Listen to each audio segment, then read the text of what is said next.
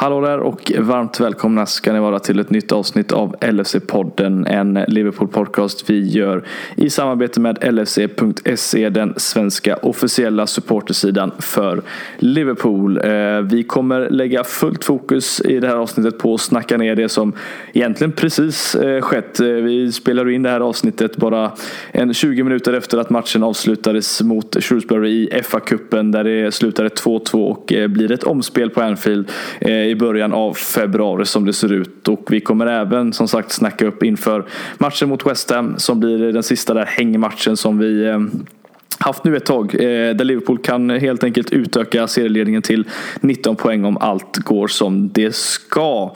Eh, innan vi kör igång, igång det här avsnittet så vill vi bara påminna er en sista gång om att eh, den 31 i första slutet av januari så är det sista gången man kan vara med och eh, tävla om årets matchtröja där man eh, egentligen bara behöver gå in och eh, bli en Patreon som vi kallar det på våran Patreon-sida patreon.com LFC-podden där man egentligen bara skänker 20 kronor i månaden till oss om ni vill att vi ska fortsätta göra ett bra arbete och eh, leverera många avsnitt till er så kan ni ta del av detta. All information hittar ni på våran Twitter-sida att LFC-podden. Men eh, vi tar väl och kör igång det nya avsnittet helt enkelt.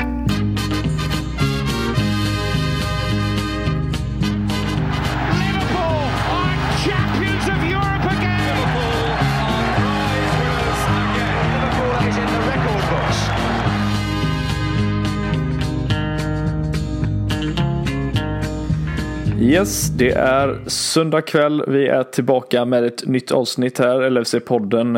Eh, bara ja, mindre än 20 minuter efter eh, matchen avslutades mot Shrewsbury i FA-cupen som eh, slutade 2-2 efter att Liverpool tappade en 2-0-ledning som vi eh, kommer diskutera lite närmare här och eh, som jag nämnde i introt så kommer vi även snacka upp inför mitt, mittmatchen här i veckan som kommer mot onsdagsmatchen blir det mot, mot West Ham i i, ligan här som den sista hängmatchen kan man väl säga. Men som sagt, vi gör ju inte detta någonsin själva utan vi har ju alltid med oss någon och den här gången är det Kalle som sitter med mig på andra sidan linjen. Hur, hur är pulsen så här 20 minuter efter att vi tappat en 2-0-ledning? Ja, jag får nog faktiskt känna efter om jag ens... Eh, hade du någon? faktiskt. jag hade nästan ingen under matchen heller. Eh, och bara det är väl oroväckande i sig. Men ja, det, det är de här matcherna som ska spelas och eh, det ser ut att bli, ja, det blir en till. Eh, mm. Och det är väl lite frustrerande på sitt sätt. Ja, ja jag satt, satt och sa till min flickvän innan matchen att ganska ordagrant att det är rätt skönt att kunna sitta och inte vara nervös inför en Livermatch och inte ha liksom samma, alltså, självklart bryr vi oss alla men liksom var lika intensiteten när man kollar mot ja, ett Premier League-match så att säga. Och ändå så ser jag mig själv sitta här i andra halvlek och liksom sitta och svära åt situationen. Så man, man levs ju in i det ändå Kalle, det känns som att man kan inte vara lugn på något sätt. Eller jag kan inte det i alla fall, jag vet inte hur, hur du är.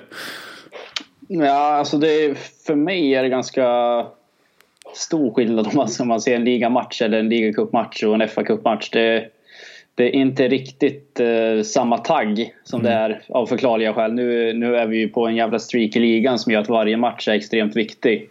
Och liksom, man vill slå nya rekord hela tiden och hålla avståndet till City. Eh, det som jag tycker är kul med de här matcherna egentligen, jag är inte på jakt efter någon eh, fa Cup-titel. Det är ingenting jag suktar efter på det viset. Men det är kul att få se de här yngre spelarna få chansen på riktigt och spela, spela liksom dels tillsammans men även med några av eh, stjärnorna eller startspelarna från från A-laget. Så det, eh, det, är det jag tycker är roligast egentligen med de här matcherna. Mm. Alltså jag, eh, en, en sak som, som jag vet att det har diskuterats tidigare och det kommer ju dyka upp här nu med det är ju det Klopp lyckades med när han kom till Liverpool ganska tidigt var ju att sätta en stämpel i just Europa-spelet, alltså gå till final i Europa League och sen då två Champions League-finaler varav en vunnen. Men just i de här inhemska kupperna så har det ju inte gått jättebra. Det har ju faktiskt sett riktigt, riktigt dåligt ut om man ska vara helt ärlig. Eh, jag vet att du säger att du kanske inte då bryr dig lika mycket om FA Cup-titel som ligan och det, det gör väl ingen egentligen men på något sätt så FA-cupen är ju ändå en historisk cup som man vill vinna i slutändan. Men Klopp har inte riktigt fått till det. Tror du det finns någon, någon anledning bakom det? Är det bredd, truppbreddens stora problem eller är det att vi bara inte lägger fokus? Jag tror att det är mer en fråga om fokus faktiskt. Mm. truppbredden finns ju där, det har vi sett många gånger både i, liksom både i ligaspelet och Europaspel. Att det går att rotera ganska kraftigt på de som ingår i själva A-truppen om man säger. och du kommer inte vinna FA-cupen med ett ungdomslag, så enkelt är det ju. Så att du kommer ju behöva spela dina bästa spelare för att vinna. Eh, jag vet inte, ska man dra någon jämförelse till Arsenal till exempel som på senare år under Wengers sista tid alltid var långt fram i kupper och Liverpool var det inte. Det tror jag också var snarare en fråga om fokus och prioriteringar vart man ville lägga sin kraft. Eh, de var liksom stadiga fyra i ligan varenda år och sen skulle de vinna titlar så var det de inhemska. Och på något sätt där så får man väl ändå välja, det blir ett vägval vart man vill lägga fokus. Och Klopp har väl egentligen ända sedan han kom, liksom första säsongen var det också en Europaresa som påbörjades så att det har alltid funnits fokus på viktigare matcher och viktigare kupper och det, jag tror att det är lite där problemet ligger. Om man ska säga. Sen tror jag inte att det är något han ligger sömnlös över för att vi får ett omspel nu i, i FA-cupen. Men Nej, men skulle du säga, skulle du säga att, eh, att ett omspel är, om vi tar det nu som det blir, för det, det verkar i alla fall, det är inte bekräftat som att det här omspelet kanske då sker mellan eh, Southampton-matchen som nu sker till, till nästa helg på lördag och sen Norwich-matchen två veckor senare så blir det ett, ett, någonstans däremellan.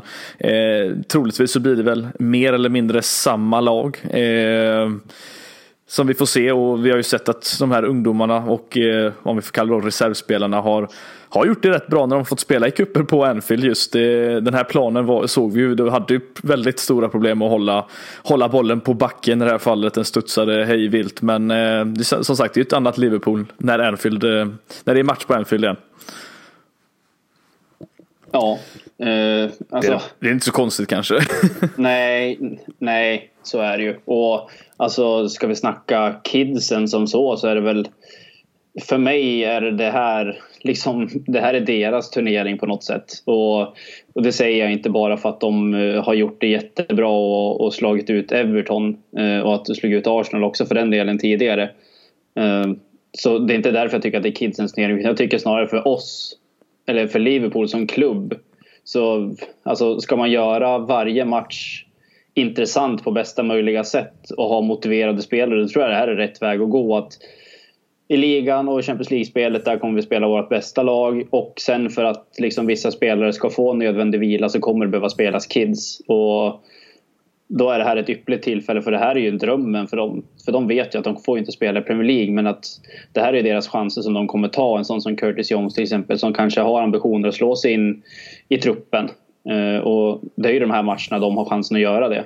Mm. Uh, sen eh, jag vet inte. Det är ju inte lika lätt att spela mot Shrewsbury borta som Everton hemma verkar uppenbarligen vara. Men det, det, är väl lite det som är charmen med den här turneringen också. Att det, varje år är det ju någon liksom stor knall där något eh, liksom, eh, riktigt brunkagäng eh, ger sig på de stora lagen. Och det här får väl ses som en av de matcherna egentligen. Man såg ju bara efter matchen att de stormar planen och man ser vad det betyder för, för en sån liten klubb i förhållande till Liverpool. Mm. Nej, precis. Nej, eh, vi, som sagt, vi kommer nog få någon gång eh, senare den här eh, början på nästa månad sitta och prata upp just den här matchen som kommer bli spelas om på Anfield. Men vi kan väl ta, ta några av de grejerna som i alla fall hände i den här matchen, Kalle. Vi fick ju se några spelare tillbaka igen. Vi fick se ett mittlås till exempel med Matip och Dejan Lovren som vi har ju varit vana nu att se Gomes och van Dijk och vi har ju suttit här och pratat om hur vi egentligen nästan gick åtta matcher utan att släppa in ett mål. Så släppte vi in ett mot Wolves och så har det ändå sett stabilt ut. Men eh, det är ju som sagt skillnader på de olika spelarna som, som eh, i, rankingen när det gäller just mittbacksparet. Det, det, det, känns inte riktigt som eh, nivån är riktigt så hög på, på van Dijk och, eller förlåt, Matip och, och Lovren. Men vi satt ändå för några månader sedan, veckor sedan kanske till och med och sa att Matip har gjort det väldigt bra och så nu är han tillbaka igen och så ser det så här ut. Vad, hur, ser det, hur mår de egentligen där bak? Ja, bra fråga. Men jag vill också minnas att jag vet inte om det var du och jag som satt och snackade om att det inte var något snack om att det är Gomes som gäller som första val nu. Mm. Så att på något sätt har vi också tagit ställning där. Men, men just hur Matip spelade ja, i Champions League-finalen. För ja. liksom det, det är ju inte jätte, jättelänge ja, alltså, sedan så sett. Nej, abs absolut inte. Det är, alltså, Matip är ju en eh, riktig klassback framförallt när han får spela, spela bredvid van Dijk och att han får spela ihop sig. För det fick de ju göra egentligen hela förra våren. Då var ju de helt magnifika och stora delar under hösten här också innan, innan han skadade sig. Så att det är inget snack om den saken. Eh, och att han kommer tillbaka nu från en skada och kastas in i en, ändå får man ju kalla det en jävla soppa av backar med, med Neko Williams, Larucci och Lovren. Liksom det, jag tror ingen av de fyra har någon koll på vart de ska befinna sig, vare sig linje eller liksom uh, på planen. Uh, så att det är nog kanske inte någon uh, superbra konstellation att slänga in alla tillsammans på en gång direkt efter skadeuppehåll på både Matip och Lovren för den delen. Så att det är ingenting, att de hade en knackig match är ingenting som rör mig i ryggen att man ska börja lyfta orostecken för för Matips framtid på det sättet. Mm. Det, det, tycker jag bara är att dra liksom förhastade slutsatser. Nu var det ju inte han som, eh, nu var det ju Matip som blev utbytt i den här matchen visserligen, men eh, det var väl, om man fick säga så då, Lovren som var den, den som kanske inte satte lika många fötter rätt på planen i den här matchen. Eh, det har ju länge pratats, Kalle, om huruvida han ska spela i Liverpool. Eh, ska han Eh, ska han bort från klubben och liknande? Det har ju varit många somrar egentligen i rad. Eh, när, när tror du Klopp gör ett, ett, ett, en växling så att säga och kanske hittar något, som, något lite mer stabilt fjärdeval i slutändan? För lobben har ju bevisat sig ibland göra rätt bra matcher. Och, och, men det är ju som sagt bredvid van Dijk. Men kan man inte någon av de här två hålla, styra upp en backlinje visa ledaregenskaperna, då känns det som att det är någonting som saknas ändå, eller håller du inte med? Jo, Jo, absolut. Jag tror, alltså, jag tror vi snackade om det tidigare också när vi, i det avsnittet när vi pratade om, om Gomes och Matip och vem som eh, ska spela och inte och Lovrens vara eller icke vara. Att känslan är väl på något sätt att det här är sista säsongen för honom. Mm. Eh, så att eh, i sommar när du ligger där nere på på västkusten och glassar så kan du nog scrolla in Twitter och se att vi har skaffat någon ersättare och han har pyst iväg till någon ah, jag vet inte, göra någon Chris Smalling-resa och dra till Italien eller något sånt. Jag, för jag, bara säga, jag känner att Lovren har en star, han, han, känns som att han går till turkiska ligan. Jag vet inte varför. Det känns som att han skulle lätt kunna gå in i typ ett Galatasaray eller ett Fenerbahce. De har ju köpt mycket spelare med ett namn som spelat i storklubbarna men som kanske aldrig riktigt har, har blomstrat ut. Men det, det är min känsla. Han känns väldigt eh, turkisk eh, bound så att säga. Men eh, vi får väl se. Han kanske eh, gör en totalvändning och och ja, spelas in i, i elvan igen. Men det känns väl inte som att han har den möjligheten nu när Gomes och Matip har visat sig så bra som de har varit de senaste gångerna de har fått spela bredvid van Dijk. Nej, och det är alltså det har väl varit känslan under en ganska lång tid egentligen. Han har ju, hela hans Liverpool-karriär har ju varit väldigt upp och ner hela tiden ända sedan han kom egentligen. Uh, kom ju som en, uh, ändå lite av en prestigevärvning från Southampton. Eh, under den säsongen, både han och eh, eh, vem var det han spelade med? Font va? Ja, precis. och de hade ju ett jättebra mittbackspar så det var ju lite hugget som stucket egentligen. Vem av dem som skulle dra till något av storlagen. Det blev Lovren han gick till Liverpool. Kom som en, som en bra värvning var det ju på, alltså, i förhållande till vad vi hade då. Och ända sedan dess har han egentligen varit riktigt bra stundtals och sen som vi alla känner till riktigt dåligt stundtals också. Så att det har varit liksom en äh, jäkla jojo fram och tillbaka. Mm. Äh, men jag tror ändå på över, över tid så behöver man inte rikta någon större kritik mot Lovren i sig. Han har ändå varit en stor del av truppen som har nått två Champions League-finaler och varit med och slagit som om Premier League-titlar och ser ut att till slut få en Premier League-titel nu den här säsongen. Så att det, det är ju, ska man dra någon jämförelse med en sån som Skertel till exempel så har ju Lovren varit med på en eh, liksom en eh, bättre resa än vad han har varit till exempel. Ja, helt så det, det, det, är ingen, eh, det är ingen spelare man kommer eh, liksom minnas och berätta för liksom barn och barnbarn om. Men det är ingen man kommer prata om i liksom samma mening som ja, El Hadji Diouf och sådana stolpskott. Liksom. Så det, det, är ju en sån som ja, en alibi-spelare som har gjort det bra i Liverpool över tid och kommer troligtvis försvinna till någon, till någon lite sämre klubb. Mm. Nej, helt klart. Det, det, jag tycker ändå att den här, eh, det är en ganska intressant situation för vad ponera att, eh, att van Dijk faktiskt blir skadad, eh, vilket absolut inte får hända. För vi, vi, vi har ju slått fast att Alisson är jätteviktig. Vi kommer komma in lite på Adrian här snart också. Och, och Firmino, Salah och Mané och så vidare. Men när inte van Dijk är på plats då, då ser det ju väldigt hönsgårdaktigt ut måste jag ändå säga. Det, det, det, det oroar mig lite. Eh, men som sagt, förhoppningsvis så, så känns det som att eh, i alla fall Matip kan, kan vara ett stabilt alternativ i alla fall åtminstone bredvid eh, van Dijk om inte Gomes är där. Eller om vi, man behöver lufta någon lite titt som tätt. Så att eh, Matip är väl helt klart den närmsta spelaren, det kan vi väl nog vara överens om. Men eh, Adrian Kalle eh, måste vi nog diskutera lite. Eh, för de som inte kanske såg hela matchen då så får vi säga att eh, han ganska enkelt är man of the match. Med alla de räddningarna som han fick göra i slutändan. Vi får ju säga det att Liverpool gjorde inte en jättebra match idag men Adrian han, han vaknade på rätt sida åtminstone. Ja, och han tenderar att göra det varje gång han ska kliva in på planen också. Han, eh, där kan vi snacka klassvärvning och en sån som verkligen kommer gå, mm. liksom, som man kommer eh, snacka gott om under längre tid. Han har ju på, liksom bara på några månader redan blivit en kultspelare i Liverpool för att han kom in och liksom eh, räddade upp skeppet när, när Alisson var skadad och likväl, alltså om vi ska prata i närtid, matchen mot Everton var han ju också helt fenomenal. Likväl som han var stundtals idag. Så att utan honom ja, nu ska man inte säga att eh, någon annan målvakt inte hade räddat det, men han, han visar ju gång på gång när han står att han är en målvakt att lita på. Ja, man kan väl säga så här, Keller som vi har sett några gånger i kuppspelet. Jag vet inte tusan om vi hade gått vinnan eller fått ett, ens ett kryss den här matchen om han hade stått. Inget illa mot honom, men vi har ju sett honom släppa in x antal mål i, i kuppen han har fått stå eh, hittills under säsongen. Men, eh, nej, men just att han, eh, han kommer in och eh, visar direkt att han vill bevisa någonting.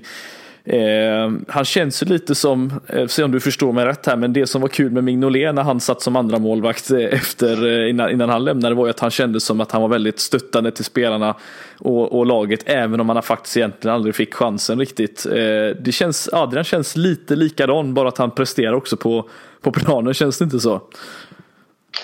Ja, det är väl där de skiljer sig åt egentligen. Mm. Uh, för det, jag, jag, förstår exakt vad du menar, att man är på något sätt en karaktär på sidan av som ändå... Och det tror jag inte man förstod riktigt med Mignolet heller, utan det har ju kommit från annat håll, från spelare och ledares håll, att han var en bra karaktär fast man hade inte svårt att tro det. Men på, på Adrian kan man ju, då ser man ju med blotta ögat att det är en kille man vill ha i laget som är med och stöttar upp.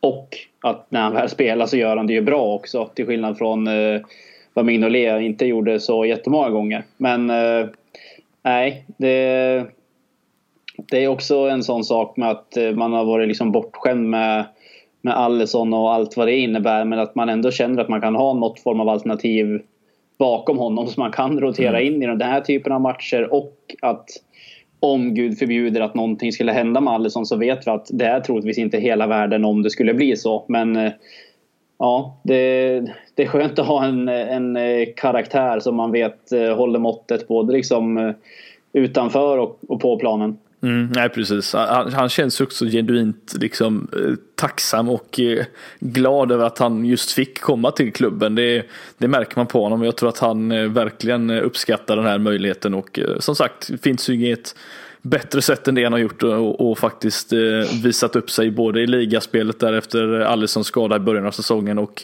även i cupspelet. Vi får inte glömma att han eh, räddade oss, eh, eller ja, gjorde att vi vann några inne, eh, kupper, eh, europeiska kupper också som sagt där mot Chelsea exempelvis och räddade straffläggningar. Så han, han har gjort en hel del på den korta tiden han har varit i klubben och vi hoppas ju såklart att han kan förbli en, en tvåa bakom Alisson och hålla den höga standarden som han har, eh, har gjort. Jag vet inte hur gammal, hur gammal är Adrian Adrian nu? Eh, han är väl en bit över 30 åtminstone va?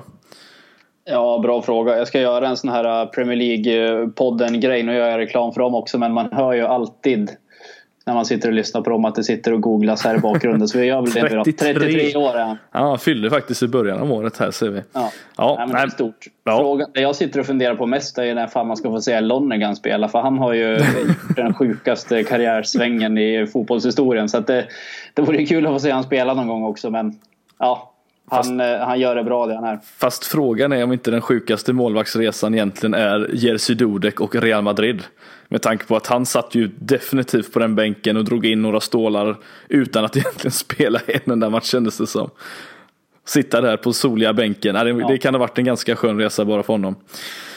Eh, helt klart. Eh, vi nämnde som sagt också några spelare som var tillbaka mer än mittbackarna. Eh, en Fabinho som eh, kom tillbaka nu och eh, spelade hela matchen dessutom. Eh, vad, vad, har vi att som sagt, nu har ju Henderson gjort ett rätt bra jobb i den positionen under den här perioden. Vi har ju inte förlorat en enda match, vi har vunnit mer eller mindre alltihop. Men eh, vad, vad, mer än att vi får ett extra alternativ, alternativt eh, tillbaka en startspelare. Hur eh, mycket betyder egentligen att få tillbaka en sån som Fabinho?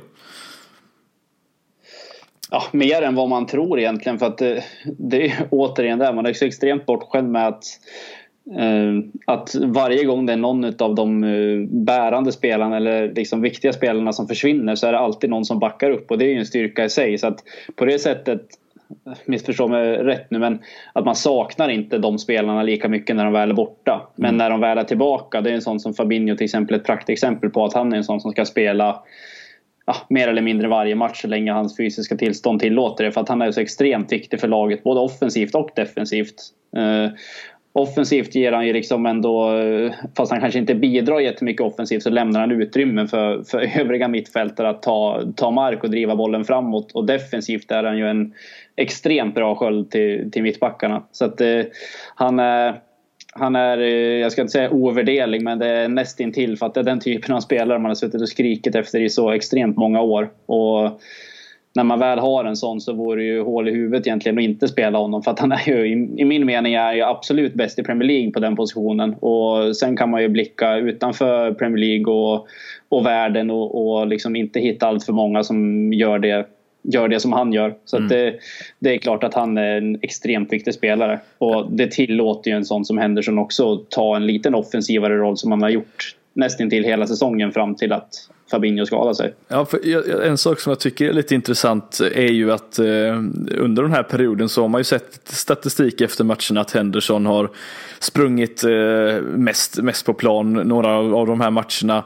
Eh, det kanske låter imponerande men frågan är som en sittande sköld liksom, ska du verkligen vara den som springer mest på plan då? Då, då känns det som att du ofta är ur position. Nu har han som sagt, förstå mig rätt, har gjort det väldigt bra men det Fabinho är, som jag gillar med honom framförallt är att han han är lite som Xabi Alonso i den mån att han, han står ofta väldigt rätt. Han, behövde inte, han behöver inte utsätta sig för allt för mycket eh, farliga tacklingar. Ja, nu är han väl kanske en mästare på att ta onödiga gula kort ibland, men mer för att spara ett, eh, ett, ett hemjobb kanske. Men han, han känns som att han skyddar just försvaret på ett helt annat sätt och det är väl det som jag känner, Kalle, att jag har saknat lite. Det har varit lite situationer då motståndarna ofta har fått boll mellan mittfält och, eh, och försvar och eh, hittat den här jobbiga lilla positionen där eh, utanför straffområdet. Men där är ju Fabinho bland de bästa mittfältarna i världen att just täcka upp. Så att det, är, det är ju fantastiskt skönt att ha tillbaka honom.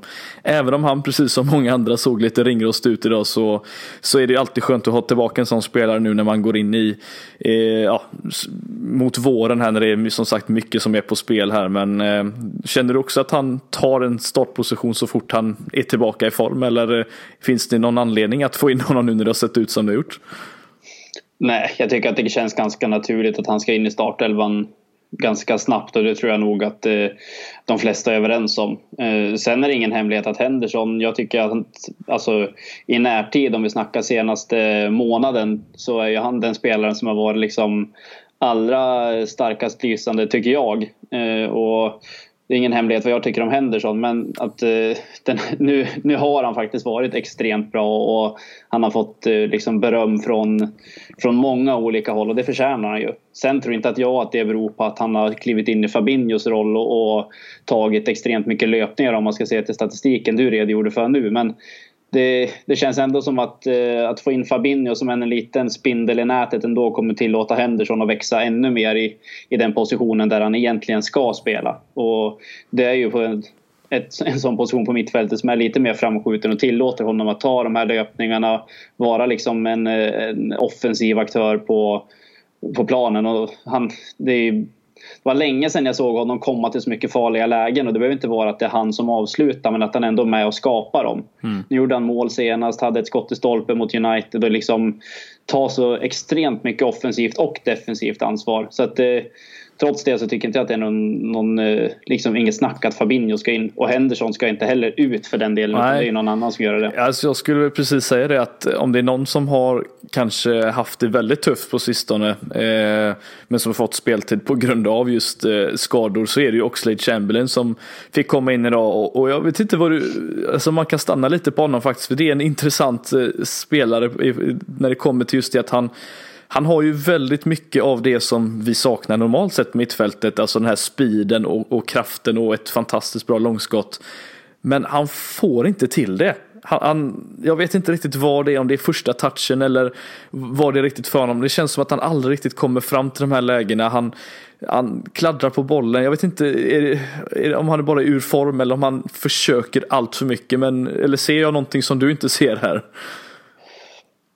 Ja, alltså jag vet inte, jag också, om man ser till, till Chamberlain som spelare, jag, jag har aldrig tyckt att han är don, den typen av spelare som ska stå och vrida och vända på tajta ytor som vi ser. Nej. Som Curtis Jones till exempel tycker det är jätteroligt och han gör det jävligt bra. Utan Chamberlain är mer en sån rak spelare som ska få bollen, driva den framåt i omställningsspel. Så det kan bero också lite på att det är en matchbild som inte tillåter honom att spela på hans styrkor riktigt heller. Sen håller jag med dig att sen eh, ja, nästan ända sen Fabinho blev skadad och han roteras in i laget på riktigt och var en startspelare så tycker inte jag heller att han har varit speciellt bra. Eh, det, sen vet inte jag om det beror bara på någon, eh, någon eh, liksom kortsiktig formdipp eller att det beror på någonting annat. Men det, alltså alla spelare kommer och går i de där perioderna. Han har ju visat liksom både en, två och tre gånger hur viktig han är för Liverpool och hur hans spel kan vara med och, och bidra till utvecklingen. Så att det,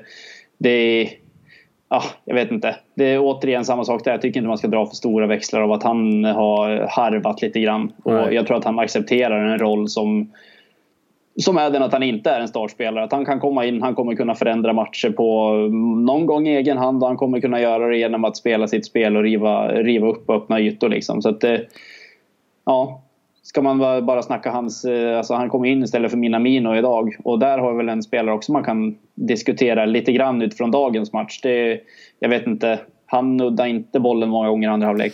Nej, det är... Eh, nej, det gjorde han inte. Och det är, som sagt, jag tycker absolut inte han har varit sämst bland de spelarna som varit på plan. Han har kanske inte kommit in så som man hade hoppats att han skulle göra. Och eh, det är väl just de här matcherna han har fått hoppa in. Det har varit lite eh, speciella situationer. Nu såg vi han göra debut mot, mot Wolves exempelvis i en situation då jag kanske personligen trodde att eh, Origi skulle komma in först. Men det säger väl en hel del om att Klopp ser Origi mer som en spelare som ska komma in sista kvarten snarare än att Ja, att eh, just den matchbilden som var då. Men det har inte varit lätt för honom att komma in som sagt i sin, i sin Liverpool-karriär i det här fallet. Och idag var det ju inte mycket hjälp heller han hade fram till, ska vi tillägga. Eh, Elliot var väl kanske faktiskt den som syntes minst på planen idag. Han hade inte mycket att göra.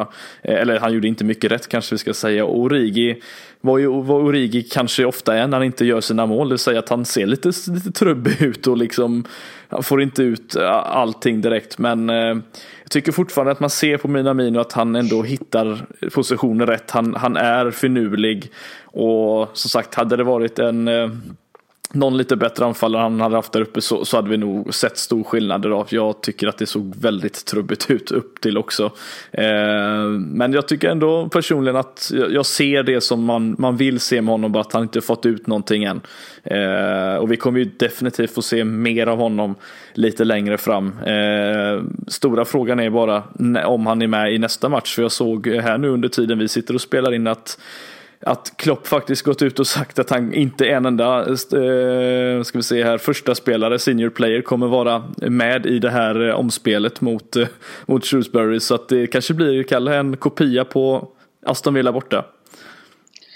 Ja, och det är alltså, jag tycker att det är helt, eh, helt rätt egentligen utifrån eh, vad jag, vad jag tycker om cupen som vi pratade om tidigare. Eh, och det blir ju extra speciellt en sån här säsong när man är på en sån eh, extrem eh, resa i Premier League och sen nu kommer vi snart kliva in i ett Champions League-slutspel igen också som kommer ta extremt mycket kraft från de bärande spelarna. Så att, att däremellan slänga in en match, liksom ett omspel hemma mot eh, ett League One-lag. Ja, då tycker jag nog att det är bättre att ge kidsen chansen igen fullt ut. Och återigen göra det på något sätt till deras turnering. Kan de eh, slå sig vidare i ett omspel, fine, jättebra. Då ska de fortsätta få spela för att eh, det, Liverpool kommer vinna titlar den här säsongen som slår mycket högre än en FA-cup. Och då tycker jag egentligen att det är rent, ah, jag ska inte säga idioti, men att det, det är inte värt att ödsla någon energi från någon form av eh, Premier League startspelare på, på ett omspel hemma eller kommande matcher. Så att det, det tror jag är ganska klokt tänkt från Klopp egentligen. Mm. Ja, nej det är eh, jag vet inte, kommer du ihåg senast vi tappade en, en, en 2-0 ledning eh, under Klopp? Uh, nej, jag vet inte. Det lär ju vara West ett Bromwich. bra tag sen. Tänkte jag. Ja, det var det. Ja, du ser. 2018 blir det väl egentligen och sen dess har vi gått rätt bra om vi säger så.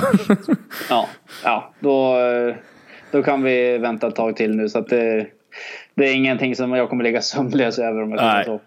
Eh, inte så mycket mer att ta med sig från den här matchen mer än att eh, man ändå får ge Shrewsbury lite, eh, lite cred, ganska mycket cred skulle jag säga för hur de eh, uppträdde här och eh, en kul sak som jag ändå tycker varför jag gillar det här med omspel eh, i alla fall att de här lagen får åka till stora arenor och historiska arenor som, som de någonsin aldrig kanske får spela på det är ju att just de här pengarna och tv-pengar som det nu de här lagen drar in genom att, att ja, just få ett omspel. Jag läste nu att de har, de kommer nu få råd, här hade de sagt deras första tränare, att köpa in den utrustningen för videoanalyser och sånt som de aldrig någonsin kommer ha råd med annars. Eh, vilket gör att de här klubbarna får lite möjlighet att kunna bygga på det de försöker göra. Så jag tycker bara det är kul på ett sätt att de får igenom det eh, och eh, lyckas. Sen kanske det de till och med nu går och vinner på, på Anfield, det vet man ju inte nu med tanke på vilka spelare som kommer spela. Men eh, inte så många mer växlar att dra kring den här matchen antar jag. Nej, nej, och det är just det där som, alltså det du pratar om här, det är väl en av de få sakerna som jag tycker är charmigt med inhemska kupper egentligen. Eh, att det kan vara såna här knallar och att eh, liksom eh, betydligt sämre lag får komma till de riktigt stora arenorna och liksom åka på ja, något som kan bli lite av deras livsmatch. Liksom att få åka till Anfield eller vad det nu kan vara. Ja, inte Etihad, men eh, för det är väl ingen som bryr sig om det. Men alltså stora, stora arenor, etablerade arenor och möta stora lag. Det, det är en jättegrej framförallt för deras supportrar. Mm. Det är som att få åka på en, eh, en liksom slutspelsmatch i Champions League på bortaplan och liksom ha skitkul med med alla som är där. Så det, det, är väl en av de få sakerna som jag tycker är extremt charmigt med de här klubbarna. Annars är det mer en, eh, en, eh, en skaderisk för, för våra stjärnor i ett liksom i övrigt väldigt späckat schema av extremt viktiga matcher. Mm. Jag vet inte hur, hur många biljetter är det de här bortafansen normalt sett får när de tar hela, hela kortsidan. Är det typ 3000 något i den stilen va? Det är ganska många oh. biljetter om man räknar in, så som Everton i alla fall hade senast hela, hela kortsidan där, eh, i alla fall den nedre eh, läktaren. Och det är ju en, en tredjedel mer eller mindre av vad deras, deras arena tar, tar plats för så att säga, som vi spelar på idag. Men eh, det är kul för dem i alla fall. Eh, Liverpool får väl kolla sig lite i spegeln i alla fall. Jag tror att Klopp, även om han, som sagt, jag tror att han är jätteförbannad att det blir ett, ett, ett, eh, omspel på något sätt. Jag vet inte, just det här kändes så arrogant på något sätt att vi försökte spela på någon, ja, inte, inte första växeln, andra. Det kändes som att vi verkligen var nonchalanta i mycket och jag tror Klopp kommer nog eh, påpeka det för spelarna eh, i omklädningsrummet också. Och förhoppningsvis så tar de väl lärdom av detta. Vi behöver nog en liten, liten sån wake-up call ibland, Kalle, när, man, när det går så bra som det ändå gör. Tror du inte det? Jo, jag tror det kan vara bra. Och det gäller att de kommer i rätt matcher. Och det här är väl en sån match där man kan ta på sig ett litet, eh, ett litet wake-up call istället för att man ska göra något snedsteg i ligan. Så att, eh, Nej, en liten hårtork får de nog och sen är det bara på, eh, på nästa och blicka framåt mot den här hängmatchen som vi till slut ska bli kvitt och komma upp på samma, samma antal spelade matcher som de andra lagen i ligan. Ja, det var faktiskt precis den Kalle jag tänkte vi skulle hoppa över till, till nu och eh, som du säger, en efterlängtad hängmatch som man gärna vill, eh, vill få spelad Och det blir ju då mot ett David Moyes West Ham den här gången. Det var det ju inte eh, under den tiden vi visste att det skulle bli ett oms eh, en, en, en flyttad match så att säga. Men nu blir det mot David Moyes den här gången och eh, ett West Ham som eh, har ganska mycket problem med skador. De har ju Filippe Andersson borta i minst 3-4 veckor så han kommer ju definitivt inte spela. Eh, det har gått tufft för dem den här säsongen. Men det var det laget som förra säsongen var ganska jobbiga mot oss på, på bortaplan och förväntar du dig något liknande eller ser du att Liverpool ska ja, cruisa hem en, en seger i den här matchen? Ja, det förväntar mig faktiskt. Alltså av två ganska enkla anledningar. Egentligen Liverpool är... Om man nu ens kunde bli mycket bättre än vad vi var förra året så är vi ju det nu. Eh, och West Ham, ja, de vacklar ju betänkligt. De har en vinst på de fem senaste säger jag här. Och ligger liksom på... Det är ju ett de, riktigt getingbo. De, är en, de är ju på samma uh, nedflyttningsplats mer eller mindre. Så det är bra målskillnad som håller ja. dem uppe just nu. Ja, så att det det är ju ett West Ham som inte är sig likt för vad det har varit då och med tanke på vilket spelarmaterial de har egentligen. Mm. Om man bara ser till matchen vi hade förra året borta mot dem så Alltså det är ju en utav, okej okay, det är också en match där Liverpool inte gör det bra. Det är en utav de bottennappen förra säsongen men det tar ju inte bort West Hams prestation den matchen. Alltså de eh, finns ju det finns ju mycket kvalitet i det laget. Eh, sen är liksom inte det någon ursäkt till att de ligger där de ligger i, i ligan, att de inte har fått ihop det. Men eh, nej, det ska nog eh, mycket till för att vi ska göra något form av eh, snedsteg i, i en sån match, tror jag. Jag vet inte. Du har du har ju vänt din skeptiska sida lite till, eh, till det offensivare laget nu. Så jag vet inte hur, hur är din känsla? Alltså, för, för mig är ju West Ham alltid på bortaplanen en, en match som jag tycker att... Du vet inte Upton Park längre? Nej, jag, jag vet det. Men eh, det, det, känns ändå som att de alltid dyker upp när det just är Liverpool på, på hemmaplan. Eh, de, det känns som de kan dyka upp ibland så länge det inte är Manchester City. För då är det verkligen storstryk för dem hela tiden. Men Eh, nej, alltså jag, jag, har en, jag hade en jobbig känsla inför Wolves eh, också. Men där var det väl mer för att man visste att det där var ett Alltså de spelar ju faktiskt mot, som ett topplag mer eller mindre och har varit bland de bättre lagen, om inte det bästa laget tillsammans med Napoli mot oss när det gäller just att hålla oss väldigt tysta och, eh, och eh, dominera en matchbild egentligen. Och jag, tycker, jag tror inte West Ham kommer samma sak här, inte alls, men jag tror att de är, det är ett tufft lag, det är mycket fysik, det är, det är en jobbig bortamatch att åka till. Men jag tror samtidigt, Kalle, att veta om att vinna den här matchen, den här hängmatchen och ligga 90 19 poäng före Manchester City. Alltså, jag tror att om, om inte spelarna taggas igång av en sån grej, då, då är det bara att packa och åka hem kan jag tycka. Ja, nej alltså eh, ska man alltså, det, det, blir ju på något sätt konstigt när man ska prata om det varenda vecka på något sätt vilken enorm skillnad det är om man bara ser till, till tabellen men det är ju även det spelmässigt. Eh, eh, det är ju ett faktum när man, när man ser de båda lagen spela. Och 19 poäng det är ju någonting som skulle liksom eh, motivera den största torsken genom alla tider att få, få det, det avståndet ner till sina största konkurrenter. Mm. Så att motivationen tror jag inte är någon eh, bristvara i Liverpool-laget nu. Jag tror inte att det är hos Klopp heller. Så att eh, det spelar ingen större roll egentligen tror jag om de möter liksom eh, ja, Atletico Madrid borta eller om de möter West Ham borta. Motivationen kommer nog vara på samma nivå för att det här laget är på väg att göra någonting som inget annat Liverpool-lag har gjort förut. Och det tror jag är motivation nog. Eh, så att jag tror inte att det är någon som behöver stå och elda på inför matchen utan det sköter sig nog ganska så mycket själv skulle jag tro. Mm. En, en, spelare som, eh, ja, vi får nästan säga gillar att, att, möta det här laget är ju Sadio Mané som de senaste matcherna gjort eh, både på hemmaplan och bortaplan gjort, gjort mål egentligen. Han gick ut skadad mot Wolves och jag tror inte jag har sett så jättemycket information om Eh, Eh, huruvida han skadade, vad jag vet att han i alla fall, det såg ju ganska bra ut när han gick ut från matchen i alla fall. Han kunde inte, han haltade inte på något sätt men eh, det känns ju som att det här är en två, tre matcher borta åtminstone eh, för honom. Och hur, hur tror du Klopp väljer att formera om laget nu då när, när han inte är aktuell? Ja, alltså det är ju, han kommer ju inte spela den här matchen. Eh, för att eh, det kommer nog ta ett tag till han spelar och hoppas att det inte är så allvarligt. Nu såg det inte jätteallvarligt ut. Eh, det som hände och det, jag vet inte, ibland kan det vara ett orostecken att det inte ser så allvarligt ut så är man borta under en längre tid. Men det, det återstår väl att se.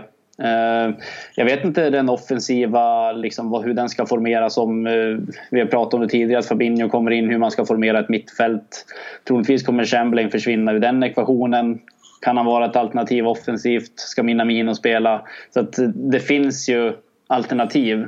Uh, mest troligt den direkta ersättaren som har varit när man har varit borta har ju varit Origi, att han har kommit in på vänsterkanten. Så att uh, det, jag skulle nog tro att Origi spelar. Jag tror Chamberlain behöver vila och jag tror inte att Minamino är helt hundra för en start. Uh, så att jag vet inte.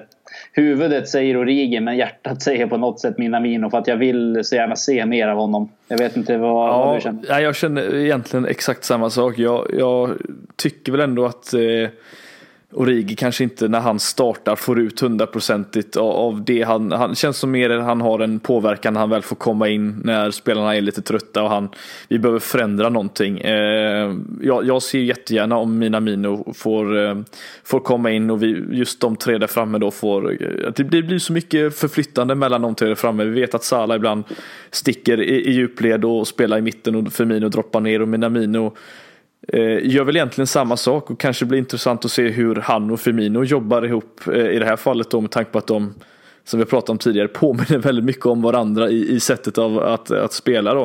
Eh, men eh, nej, jag skulle heller inte bli förvånad om Chamberlain tar en plats där framme men samtidigt har det ju sett ut han är inte bra där framme. Han ska spela som mittfältare. Just för att kunna driva bollen framåt som vi nämnde tidigare i avsnittet. Men eh, nej, Minamino hoppas jag absolut får Eh, Eh, får spela och då kanske vi får se ett bra, eh, en bra kombo med han och Robertson som hade det rätt tufft nu mot eh, Wolves senast. Jag vet inte om jag skulle säga att det var hans sämsta match i Liverpool-tröjan men det känns som att han behöver komma tillbaka nu också och inget bättre lag att göra det mot, mot West Ham och vinna de här, ta de här tre poängen Kalle. Hur, hur tror du att det, ja, hur, hur, tror du att matchen slutar egentligen? Tror du vi tar de här, alltså en övertygande seger eller tror du det blir en, en tuff sån där uddamålsseger? Jag tror inte att vi får se någon form av repris på, på Wolves-matchen. Att det ska krävas liksom, eh, att det ska dras så långt. För, för West Ham kommer inte bjuda på en sån match som Wolves gjorde. De är ju extremt eh, roliga att titta på om man bara ska göra en jättesnabb tillbakablick till den matchen. Så mm. jag tror inte att West Ham kommer bjuda på, på det motståndet. Så att jag, jag är ganska säker på att eh, utan att utsätta mig och någon annan för någon form av jinx här nu. Men jag tror att vi är, jag är ganska övertygad om att det kommer nog bli i alla fall två målsmarginal. Eh, sen eh, vad resultatet blir det, det vet jag inte. Är det dags för tipptävling redan nu tycker Nej, du, jag tycker vi kan. Det jag tänkte komma fram till här är om du skulle välja någon segervinnare eller någon, någon, någon som gör ett segermål här nu. För jag tänkte komma in på att just vi har ju vunnit nu då 16 matcher med uddamålet den här säsongen och eh, Firmino har ju just gjort segermålet i sju av dem, vilket är fantastiskt imponerande och majoriteten har ju som sagt kommit på på bortaplan eh, dessutom. Eh, jag vet att vi har pratat om honom tidigare, eh, hur viktig han är, men vad säger det egentligen om att vara en så viktig spelare som gör så viktiga mål som han har gjort nu? För att det, utan de målen så vet tusan hur det hade sett ut den här säsongen. Nej, och det, alltså det har ju varit någonting återkommande också. Det är bara att se förra året i, i Champions League mot PSG. Det är han som gör det där också och vi går och vinner hela, liksom hela skiten. Uh, nu är det inte bara på grund av det målet vi går och vinner men han, han har ändå någonting i sig som uh, liksom, som, alltså, vad ska man säga? En, han är ju en matchvinnare på det sättet även fast han inte är någon extrem målskytt om man jämför med andra forwards som, som figurerar i ligan som Vardy och, och Agüero som verkligen bara är strikers. Firmino är ju någonting helt annat. Alltså ser man hans rörelsemönster under en match så, så Alltså ett, ett ganska otränat fotbollsöga vet ju inte vilken position han spelar på. Och sen är han framme och gör ett avgörande mål. Så mm. det, han, är, han är extremt viktig och ovärderlig för Liverpools sätt att spela. Och Alltså hela, hela bygget egentligen. Och att han, han är den som visar framfötterna och avgör matcher. Det är ju... Ja, jag tror inte att det är någon slump för att eh, den typen av spelare som han är som är så aktiv i alla delar av spelet kommer alltid finnas på en position där man kan, eh, där man kan göra mål känns det som. Mm. Även fast han är extremt mycket ur sin position också under en match så är han alltid direkt så är han alltid direkt tillbaka där han ska befinna sig. Så att han, han söker extremt farliga ytor hela tiden och sen, eh, ja, sen är han eh, liksom extremt vass när lägena kommer.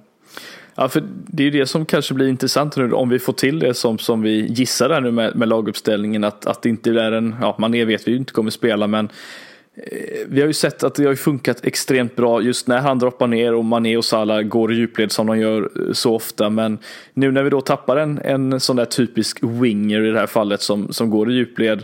Tror du det är dags att, tror du vi kommer få se ett annat typ av spel av Firmino? Tror du vi kommer få se en, en lite mer då som en, en mer striker med en Minamino på planen? Eller tror du vi kommer att han, han, han känns ju väldigt anpassningsbar om man säger så.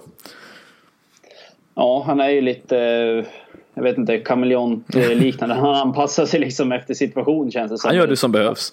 Uh, ja, och det är, ju, det är ju det som är så extremt unikt på något sätt. Och jag, jag tror inte bara för att inte Mané spelar så tror inte jag att Firminos sätt att spela kommer påverkas. Han kommer nog uh, oavsett vem som spelar på vänsterkanten fortsätta göra det han gör för att han gör det så extremt bra.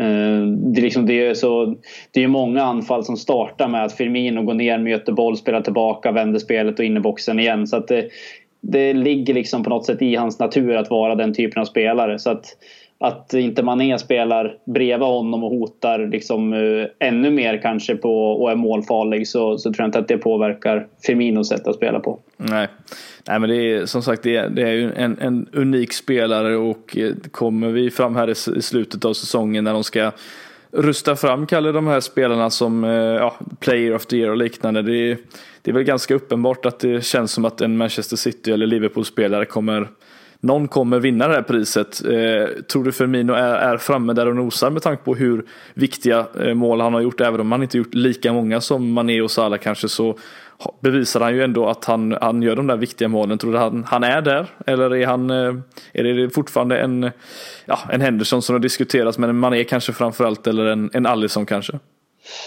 Ja, alltså det är, det är intressant. Du, du pratar om, liksom, det kommer ju troligtvis vara någon City, och så är det någon från City så kommer det mest troligt vara De Bruyne för ja. att han är ju den som är bäst i deras lag. Eh, och sen eh, så ska man göra någon form av topp 5 så kommer det vara fyra Liverpool-spelare och så kommer det vara en från City, mest troligt. Mm. Eh, och det säger man inte bara för att man har liksom eh, hjärtat på ena sidan av, av de två lagen. Men alltså Alisson tycker jag absolut är värd att nämnas i den, liksom, eh, bland de namnen för att målvakter glöms väldigt ofta bort i de här diskussionerna och han är så extremt extremt viktig för laget. Eh, det är aldrig en målvakt som har vunnit det priset ska vi tillägga. nej, nej, jag tror inte att det blir i år heller då tyvärr men Nej, det är många spelare. Henderson, men han har varit liksom eh, så pass bra som han har varit nu under en lite för kort tid. Så att det uppenbara alternativet för mig från Liverpool den här säsongen är ju Mané om han fortsätter så som han har spelat under hela säsongen så tycker mm. jag att han är det självklara alternativet. Jag tycker även Trent borde räknas in där. Han har ju ja. som sagt stått för en fantastisk säsong och han är ju uppe nu på eh, tvåsiffrigt eh, i, assist, eh, antal assist den här säsongen. Han är ju bara två ifrån vad han gjorde förra säsongen och det är ju bara han och eh, Fabregas som har lyckats stå för två separata säsonger med så många assist eh, innan man fyllt 21 eller är 21 år eller yngre så att säga. Och det säger ju en hel del om hur, hur han har tagit nästa steg och eh, nej, det är, man, man, känner ju att man saknar en sån spelare på planen när man har det tufft som vi hade det idag exempelvis i att skapa lägen. Han, han står ju för så extremt mycket och jag antar att vi kommer få se en hel del av det igen nu mot, mot West Ham på onsdag med, eh, med de fantastiska krossarna och inläggen han står för. Men eh, det hade varit kul om han hade fått eh, fått ja, vara huvudpersonen i det Liverpool som kanske då går och vinner ligan. Det, det känns ju fullt aktuellt i alla fall stor spelare eh, ja. som kommer bara bli bättre. Absolut. Absolut och sen alltså väger man in hans ålder så gör det ännu mer mm. anmärkningsvärt egentligen att han, han, är, han spelar på så fruktansvärt hög nivå och med den åldern han har så att det är ju Ja, det jag vet inte, det är alldeles för tidigt att börja göra liksom, eh, Gerard-jämförelser och ställa där dem emot varandra. Men det, det finns ju någonting där som kommer att troligtvis när, när man summerar hans karriär om inte någonting eh, olyckligt händer så kommer de ju troligtvis nämnas i, i samma mening om man ser vad han är på väg att uträtta så här tidigt i sin karriär. Ja, jag skulle nog vilja säga att fram till den här åldern så håller han ju, håller han ju en högre, mer mogen klass om man säger så. Men det är just de här åren som kommer här nu, 22, 23 framåt, innan, ja, framåt 28, 29 där. Det är ju de åren däremellan som kommer bli intressant att se Eh, hur, hur, bra han kommer, kommer att bli i slutändan. För att nu kommer han ju då spela två säsonger i ett Liverpool-lag som var nära på att vinna ligan och troligtvis kommer att vinna ligan och har vunnit Champions League. Alltså det, det är mycket meriter och eh, upplevelser och erfarenheter på, på den unga åldern. Men eh, ja, det som sagt ska bli kul att se hur bra han faktiskt kommer att bli i slutändan. Och om han stannar i Liverpool resten av sin karriär, det hade ju varit eh, ett stort plus såklart.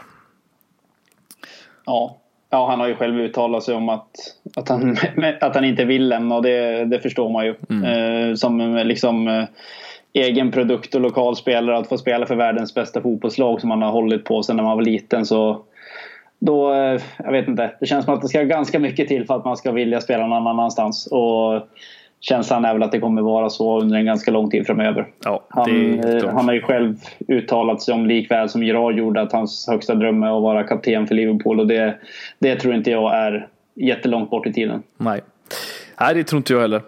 Eh, om vi ska ta nu då och avsluta det här avsnittet som vi börjar närma oss 50-55 eh, minuter här nu Kalle och eh, ska ta just den här lilla sista tippningen här i, resultat vad det slutar nu på onsdag när vi möter West Ham. Vad, hur tror du det slutar? Blir Firmino eh, avgörande igen?